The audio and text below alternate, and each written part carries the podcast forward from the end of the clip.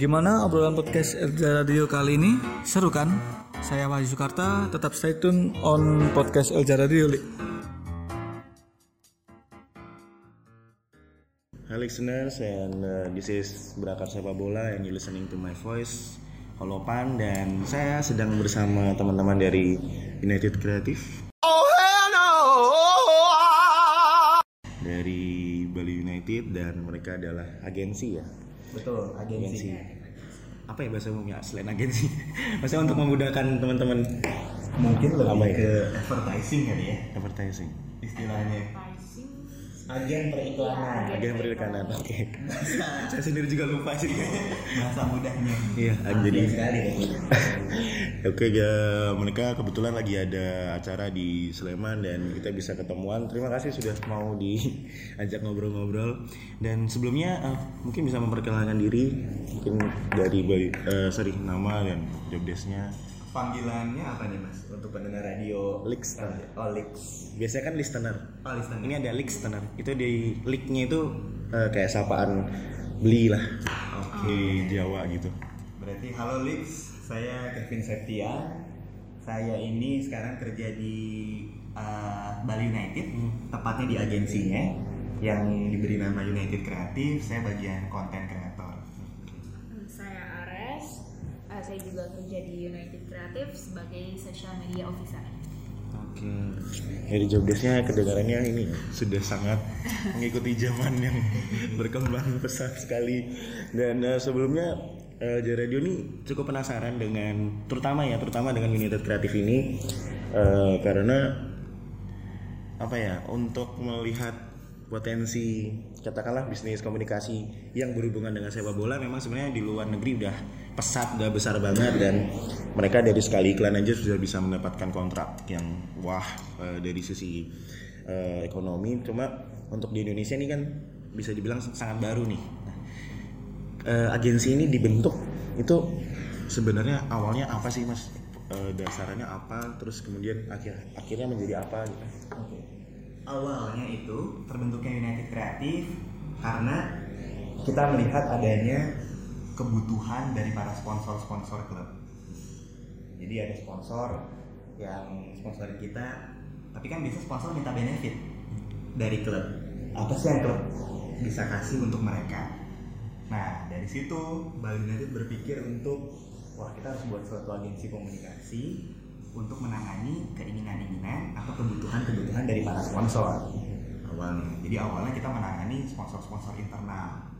Nah di situ jadi kita bikin uh, nawarin konsep konten, konten sosial media. Kita bisa juga on ground activities yang kita lakukan sekarang di Sleman ini lebih ke event-event.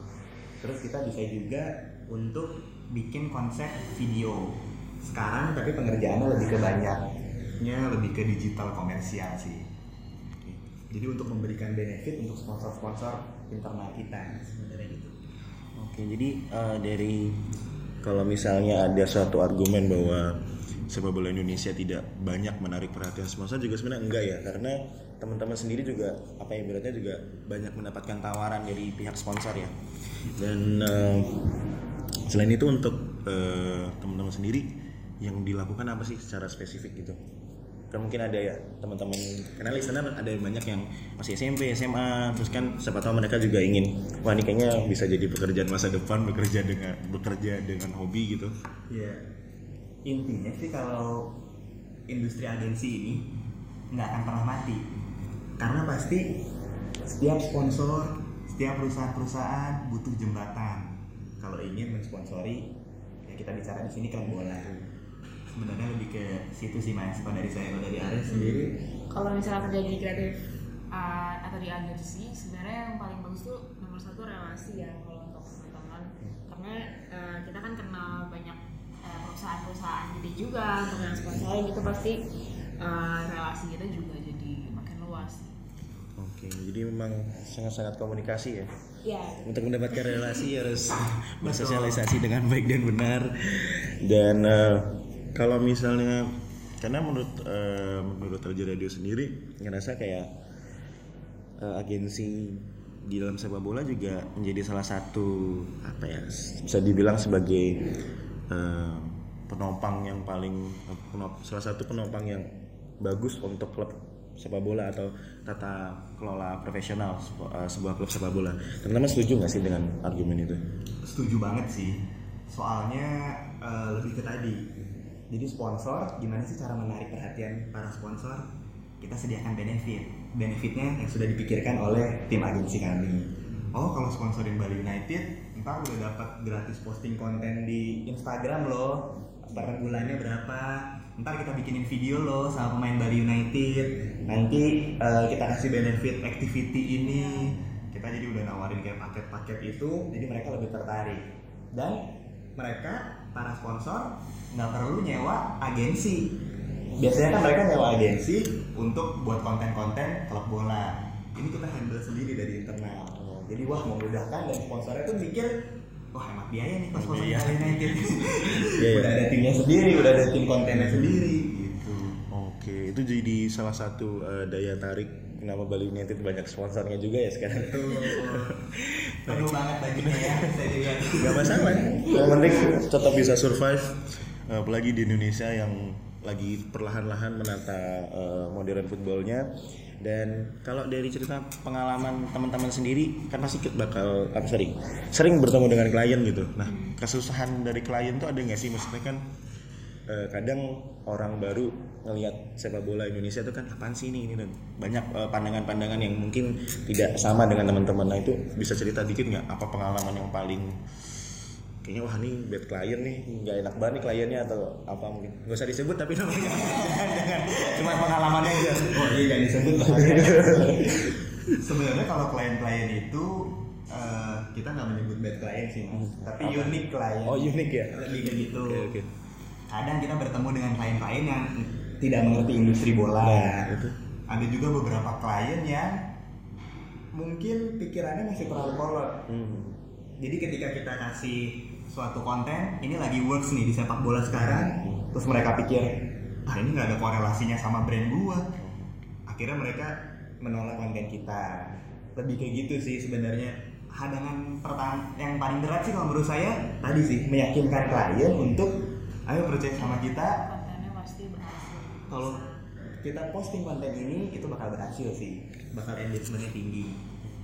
Oke sih maksudnya eh, karena tidak gampang untuk membuat seseorang atau bahkan mungkin perusahaan eh, untuk mengerti apa ya eh, industri sepak bola Indonesia itu memang seperti ini gitu dan itu apakah gimana ya maksudnya kayak ada cara tersendiri dari teman-teman yang nggak harus ngasih tahu semua ya mungkin salah satu atau dua aja cara yang paling baik untuk bertemu dengan seseorang atau se eh, perusahaan untuk mengatakan bahwa ini sebab sebab industri sepak bola Indonesia itu seperti ini sebenarnya gitu. Tidak seperti yang mereka pikirkan.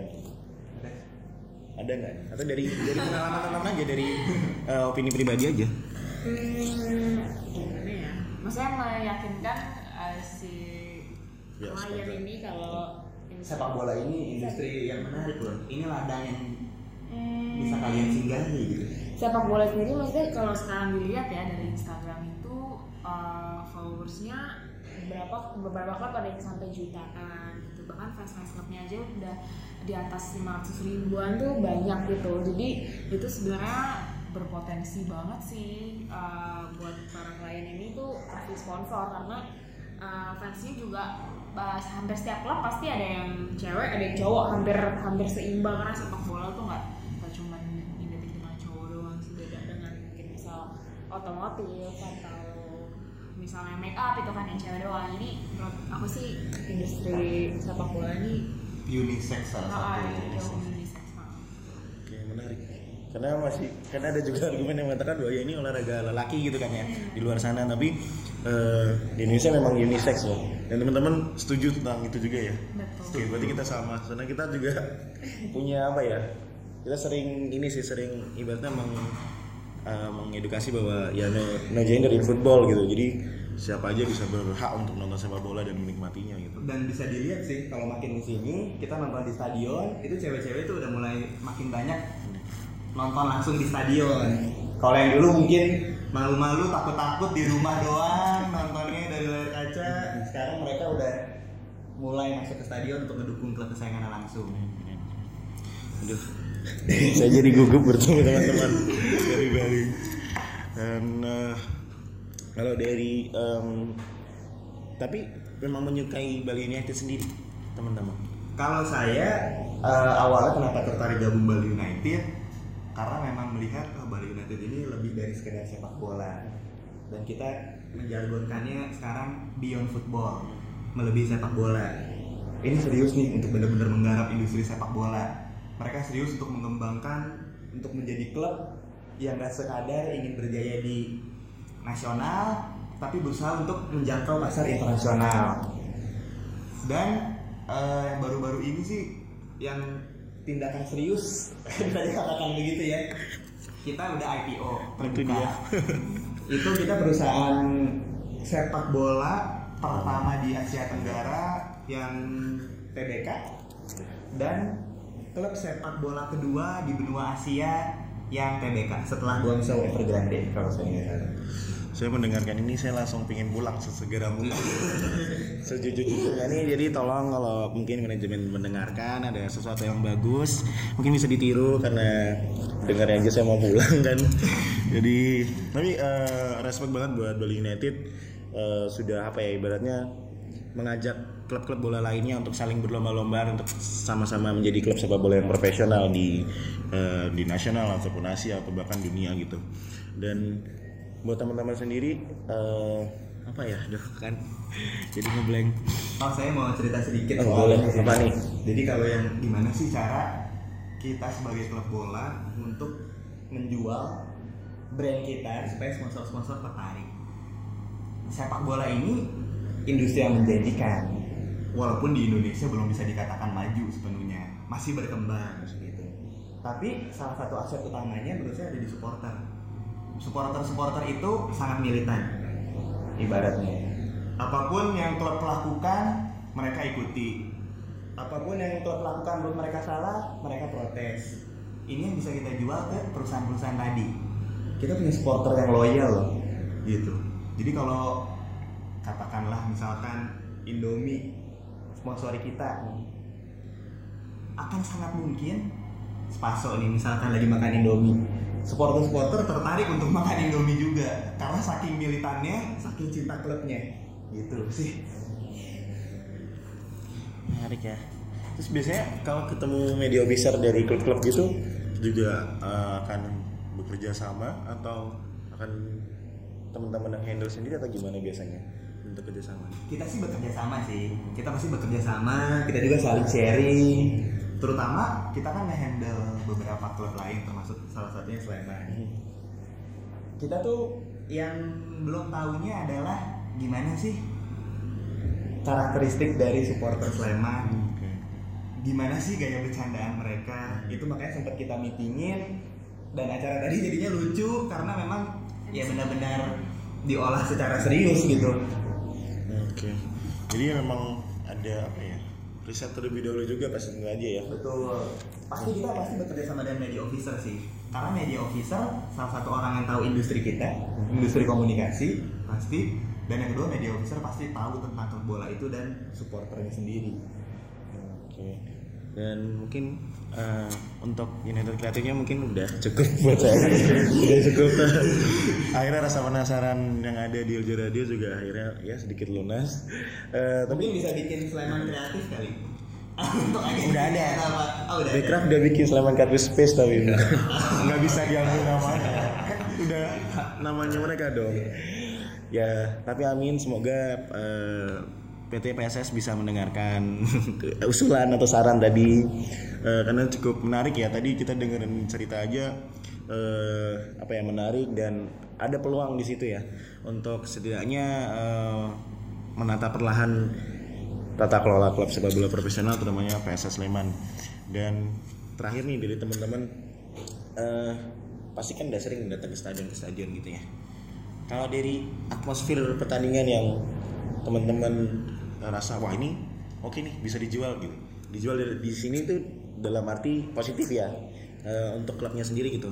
Menurut teman-teman siapa klub mana nih yang atmosfernya bagus kira-kira oh ini bisa untuk dijual. Selain PSS Sleman.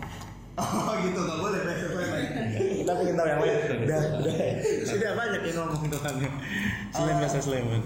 sekarang sih ngelihatnya banyak klub sepak bola yang trennya meningkat. Hmm. artinya stadion-stadion penuh. Eh, terus juga rame pengunjung. Kegiatan-kegiatan klub juga rame yang hadir gitu. Menurut saya banyak sih mas yang potensi. Cuman kalau misalkan menggarisbawahi siapa yang benar-benar potensial pastinya Persija, Persib karena mereka punya base supporter yang besar dan sudah terbentuk sejak lama apalagi kalau Persib ya kita lihat biasanya eh, kalau misalkan klub sepak bola itu mungkin akan dukung satu kota. Kalau Persib didukung oleh satu provinsi loh. Jawa Barat hampir semua mendukung mereka. Kalau ke Garut kalau Tangerang pasarnya potensial sekali. Persija juga fansnya luar biasa banyak juga. Lalu ada Persebaya Arema yang itu fans-fansnya juga fanatik loyal supporter juga bakal ngelakuin apa aja demi klub. Yang mungkin sampai away ke Kalimantan dateng away ke Serui dulu masih zaman perseru-serui masih kadang ke sana dateng saking Spartannya aku melihatnya sih Persija Persib. Terus Persebaya Arema. Dan siapa lagi ya kalau mau, mau bisa bilang lagi project-project yang aku lihat di klub Kalimantan juga sebenarnya oke sih cuman mereka mungkin masih kesulitan untuk mendapatkan loyal supporter tadi sih tapi stadion mereka fasilitasnya sarana prasarana pun nggak dikalah nggak kalah main di pulau-pulau Jawa kalau dari banyak Aduh, maaf, maaf nih sebelumnya belum pernah nonton di stadion. Karena biasanya di kantor aja kan shopping. Baiklah. Jadi kalau aku sendiri sih emang belum pernah. Tapi kalau dari nonton dari TV kata dari TV ya. apakah sama juga Iya kurang lebih sih Ber- eh, ya Persib sama Persija sih ya paling. Tapi Karena- PSSI eh, keren loh, Mas. Benar. Iya benar. Iya, ini ini uh, bagian ini saya cut langsung saya potong, saya editing jadi saya masukin karena sudah terlalu itu membuat jadi senjata makan Tuhan sendiri nih. kalau mas-mas sendiri berdua angkatan berapa nih? Saya kata 97 97 oh, masih muda tapi ngefans sama klub apa kalau di Eropa Di Eropa saya kebetulan uh, suka membaca sejarah Yahudi jadi saya tentang Hotspur. Oh, tentang Mas Pur yang kemarin baru kalah di Liga Champions ya. itu itu udah juara loh mas. Kalah itu udah juara kita masuk Udah ke final Champions. itu. Udah juara. Nothing tulus banget. Tapi kalau di kalau di Italia lebih suka ini sih mas. Palermo. Palermo. Kebetulan lagi dihukum degradasi ke Serie D. Dulu mungkin sukanya pas zaman Luka Toni ya. Luka Toni, Amauri, Amauri. Nicoli. Nikoli. Cuma suka nonton-nonton aja, iseng-iseng. Gitu sih. Baiklah. Jadi nonton bola. Kok bisa tiga jam mas kalau ngobrol bola sama saya? Iya sih. Yang unik tuh waktu pas Liga Champions kemarin ya. Jadi ada satu supporter Spurs sebelum final diwawancara pas Spurs lolos ke lolos ke final dramatis itu lawan Ajax. Diwawancara sama Sky Sport kalau nggak salah. Dia bakal ngelakuin apa pun untuk bisa nonton final. Karena ini pertama kali dalam 60 tahun hidupnya. Termasuk bolos kerja, kehilangan pekerjaan, bohong ke istri, minggat ninggalin anak-anak pakai tabungan pakai tabungan sendiri yang mungkin tadi untuk buat anak-anak pokoknya gue harus tetap berangkat karena ini sejarah dari klub sepak bola Itu ya nggak tahu juga. Herannya gitu sih. Sunderland juga lebih Sunderland lebih parah sih mas. Maksudnya ketika ngomongin faktor ekonomi gitu ya. Sampai sejauh ini malah Sunderland kalau buat aku karena setelah nonton dokumenterinya itu uh, ekonomi ekonomi kota Sunderland itu menurun ketika Sunderland itu degradasi ke Liga 2 nya sana dan kayak kok nggak make sense ya maksudnya? Ya udah sih kalau maksudnya kalau kita nonton juga kayaknya nggak segitunya ya maksudnya Iya, iya. ya waktunya kerja kita kerja waktunya kita pergi sama keluarga ya pergi. Waktunya nonton ya nonton gitu. Tapi kok se- segitunya dan tingkat pengangguran naik ekonomi turun. Gila sih. Iya mengapa saya bilang sepak bola di Indonesia sangat potensial? Karena di jam kerja tanding setengah empat harusnya masih jam kerja tapi orang udah menulis stadion gitu curiga pengangguran atau memang militan gitu supporter. Betul sih. Baiklah kalau begitu terakhir eh, Nah biasanya kalau kita ngobrol-ngobrol sama tamu gitu dari teman-teman United Kreatif mungkin ada yang ingin ditanyakan tentang LJ Radio atau apa pun. Satu pertanyaan aja. Loh cuma boleh satu, banyak loh pada pertanyaan. ya terserah deh. Ada dulu aja. apa apa pun monggo deh kecuali tentang supporter ya karena kita bukan anak supporter soalnya Oh itu. kalau Radio yang basic dulu deh ya. Ini uh, mulai startnya karena kan podcast juga belum terlalu lama kan ya. Berarti awalnya dulu sebelum podcast itu uh, ada di mana nih siarannya nih? Nah, jadi LJ Radio itu sebenarnya eh, ada di tahun 2012 akhir. Eh, di situ LJ Radio muncul eh, karena dari dua kakak beradik yang sama-sama suka sama dunia me- bola dan sorry PSS dan juga media. Terus mereka membuat aja radio. Awalnya sih memang seperti radio pada umumnya, tapi kita waktu itu sudah eh waktu itu dari awal kita memilih untuk di streaming. Oh. Eh, karena kalau misalkan untuk perizinan ke apa radio komunitas sendiri untuk menggunakan eh, channel FM atau AM perizinannya? Sorry. Perizinannya cukup susah gitu. Cukup susah dan kalau di sini ngurusnya gratis. Setahu saya ya terakhir yang saya cari informasinya itu ngurusnya di sini gratis. Yang mahal tuh di Jakarta di pusatnya besok. Oh itu di mana? Apa namanya?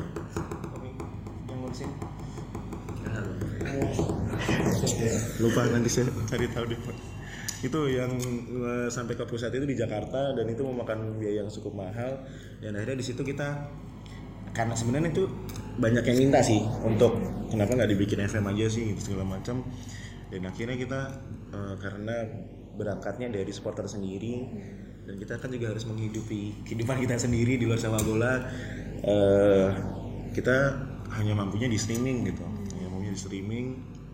Dan untuk kontennya sendiri pun eh, tentang PSS dan sepak bola. Terus siaran juga sama seminggu gitu sekali lah. Paling kita libur hari minggu sabtu. Dan biasanya kalau PSS away kita juga eh, beberapa kali siaran di luar. Dan Pendengarnya setiap minggu uh, kira-kira berapa siaran? waktu itu sebenarnya ter- tergantung musim sih mbak. Kebetulan waktu itu PSS tidak se-hype hari ini gitu. Eh, bener-bener ketika PSS menang bisa banyak yang dengar gitu. Ketika PSS kalah eh, menurun pendengarnya. Salah satu karakter supporter Indonesia ya. Mudi. Ya. Mudi Iya. Mudi. Setuju. dan Ya, harusnya kalau kalah dia tetap ini supaya semangat lagi ya. iya mbak. Nah nyari sebenarnya tuh pasti akan mencari semangatnya lagi dan besok pasti tetap nonton. Itu kayak Iya sih. lucu aja sih. Kita marah-marah hari dia tuh besok tetap nonton kan? Itu marah-marahnya karena sayang. Itu sih dan. Eh, di luar dari Raja Radio kita juga punya beberapa set project eh, kayak yang eh, deh, ini kita punya album mobilasi. Album kompilasi. Nah, kita juga punya album Oh, mobilasi. ya? kenapa? Uh, punya band atau? Ya jadi kita eh, bukan punya band sih kita lebih kayak produser. Oh, jadi kita produser eh, kita mengajak teman-teman Sleman fans yang suka dengan dunia musik untuk membuat sebuah album kompilasi dan dari 2012 hingga hari ini kita sudah sampai ke 4 dan udah ada berapa band nih sekitar 25 an 30 30 Lebih ngasar band indie. Eh, gimana sih Band indie, band lokal Jogja misalkan. Eh, Atau gimana? Pasaran utama. Pasaran utamanya tetap komunitas ini sebenarnya. Oh. Gitu. Ah, jadi mungkin apa ya eh, dari Aja Radio sendiri sih untuk melihat apa ya melihat eh, audiens atau pasarnya ini kita lebih mengutamakan komunitas kita gitu. Sorry, maksudnya yang soal album. Eh, iya sama termasuk itu juga termasuk Termasuk paralel ke sepak bola juga. Iya. Jadi memang kita tidak tidak mencoba apa ya? Bukannya tidak mau atau tidak bisa untuk misalnya masuk ke pasar yang lebih umum gitu. Dan uh, ada beberapa band yang juga ditawarin untuk masuk ke acara uh, umum gitu. Cuma kita memang mencoba untuk uh, untuk apa ya? Untuk tetap straight dengan tujuan kita kan untuk PSS ya udah. Jadi uh, termasuk dari penjualan, terus bahkan pembelian, uh, pengerjaan album kompilasi dari hulu ke hilirnya memang dikerjakan oleh Sleman fans semuanya gitu dari eh, karya packaging cetak kaos bla bla segala macam detail detail itu memang Sleman fans dan eh, ya alhamdulillah sampai sekarang udah sampai empat. Selain itu kita juga punya off air berakar sepak bola. Nah sekarang ini yang on air. Oke. off airnya biasanya kita kada- biasanya kita sering ini mas. Sama sih ngobrol-ngobrol gini cuma kita kayak buka sedikit kayak kayak acara hari ini sih. Kita buka eh, diskusi sharing eh, beberapa yang sudah mengisi itu football fans eh football fans. oh Ultras film dari Swedia. Ultras film Swedia terus lagi ya komunitas-komunitas lainnya. Mungkin tadi kayak ada Salman Jersey dan beberapa komunitas eh, supporter juga. Terus apa lagi ya? Eh, gigs. Terakhir oh iya, sama kita juga ini kayak bikin talk show eh, off air podcast sih sebenarnya. Kita bikin off air eh, bahas sama sih tentang pergerakan kita. Sebenarnya intinya lebih banyak apa ya lebih banyak mengajak Sleman fans itu untuk membawa PSS ke kehidupan sehari-hari dan juga membawa PSS itu ke dalam hobi yang dia suka gitu. Misalnya kita suka ngomong nih, ya udah kita bikin radio. Misalnya dia suka ekonomi ya udah coba bikin finansial eh, apa namanya bisa bikin apa pun dengan ekonomi itu Eh, bahkan kru kita juga ada yang dari dia kuliahnya nuklir lagi tapi dia juga eh, nggak ke nuklirnya sih tapi dia di Alja Radio juga. Jadi eh, karena di Sleman ya karena dia banyak kampus banyak SM, eh, tempat-tempat sekolah gitu. Jadi banyak pelajarnya eh, kayaknya menarik untuk membawa itu ke dalam eh, edukasi di kampus atau sekolah gitu sih. Tapi kalau Elja Radio ini eh, murni karena kesukaan Mhm. atau ada juga bisnisnya gitu Eh, murni karena kesukaan. Murni karena kesukaan. tagline kita no profit just love. Iya kebetulan. Makanya alatnya sederhana. Alatnya sederhana orangnya kurus-kurus ya kan? Gitu. Cuma ya karena kita lebih menganggap ini playground ya. Playground karena ya kan kalau playground itu kan kayak taman kanak-kanak. Semua orang bebas untuk bermain semua orang mau main pakai kaki mau mau glining-glining terserah deh gitu. Pada akhirnya juga kita ya kita teman kita dalam satu tujuan yang sama dalam taman kanak-kanak yang sama. Kita besok bakalan lulus sama-sama dan kita akan melanjutin hidup kita. Nah lebih lebih ke arah itu sih jadi playground banget lah. Gimana sih bisa dapat link-link yang tadi supporter-supporter luar negeri? Bisa waduh salah ngomong. Nggak nggak nggak. Eh, sebenarnya kita juga nggak mencari atau dibilang dicari juga enggak ya. Nggak tahu juga eh, karena apa kita juga nggak nggak nggak paham nggak terlalu paham juga karena eh, apa ya kadang pernah cuma nemu di stadion aja. Oh, ngobrol. Kebetulan nonton. kebetulan nonton. Eh, kalau media maksudnya media-media di Sleman yang lain kita kurang tahu ya eh, apa yang apa yang dilakukan atau apa yang terjadi gitu. Tapi kalau dari pengalaman kita kayaknya kita nggak sampai yang mencari atau bahkan dicari juga enggak gitu. Kita cuma oh lagi eh, lagi pas aja duduk sampingan lagi ketemuan ngobrol-ngobrol gini-gini. Oh, gitu sih jadi kirain effort untuk menghubungi. oh enggak enggak enggak, enggak sampai. Terlalu jauh. Buat sehari-hari aja. Kurang gitu kan maksudnya terlalu jauh. Kalau kalau misalnya effort banget untuk mencari enggak sih. Karena apa pun yang dikerjakan kita selalu mikir eh PSS bagusnya apa sih? Dapat eh, yang dari yang kita kerjakan PSS dapat apa gitu? PSS-nya loh bukan PT PSS loh ya? Sangat berbeda soalnya di sini Waduh, ada apa nih? enggak enggak ada. Maksudnya eh, ya seperti itu. Jadi kita memikirkan karena kita selalu apa pun yang dilakukan oleh LJ Radio gitu setelah teman-teman ya muaranya PSS nih muaranya klub kita gitu. Menariknya sih kalau boleh cerita sedikit di Bali United itu kita selalu dapat supporter baru yang mana datang dari turis mancanegara. Menariknya eh, be- eh, lumayan sering sih ke sana kan untuk ke stadion kayak gitu-gitu melihat kayak si pertandingan Bali United itu udah jadi salah satu objek wisata untuk turis mancanegara. Ngelihat juga di store-nya dipenuhi kadang sama warga asing yang beli-beli merchandise dan ikut nonton sepak bola. Menariknya gitu sih udah jadi objek wisata. Jadi kita selalu dapat supporter baru yang datangnya entah dari mana, entah dari negara mana untuk nonton Bali United itu mungkin salah satu keunggulan letak geografis Iya. ya, Iya. Bali United yang jadi tempat wisata Iya sih. dan stadionnya juga Di Bali tapi takut on air Mungkin soalnya. ada Gunung Kidul FC kan Iya, bisa, bisa wisata bisa jadi Jadi salah satu peluang juga ya. Iya. Daerah geografis. satu peluang juga ya. Daya tarik tertentu. Jogja eh apa Sleman ya Hmm. Jogja kan tempat wisata berpotensi Iya sih. Waktu kemarin itu juga sama beberapa apa ya, beberapa teman dari luar yang datang juga memang mencari Gunung Merapi gitu. Karena Iya. di negara mereka nggak ada nih gunung Gunung Merapi gitu. Eh Gunung Merapi, Gunung Berapi. Nah, jadi daya tarik juga gitu sebenarnya. Ya semoga bisa dikonsep oleh manajemen. Amin.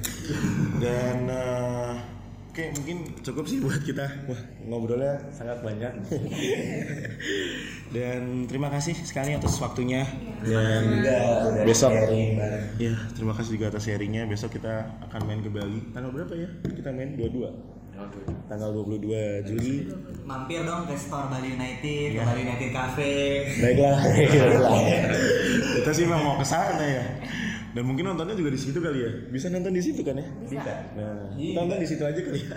di Bali United Cafe ada spot yang VVIP dan VIP Oke. itu menghadap langsung ke lapangan Hmm. jadi kafenya itu tapi ada kacanya langsung menghadap ke lapangan Oke, sangat menarik. Besok akan langsung dilihat langsung.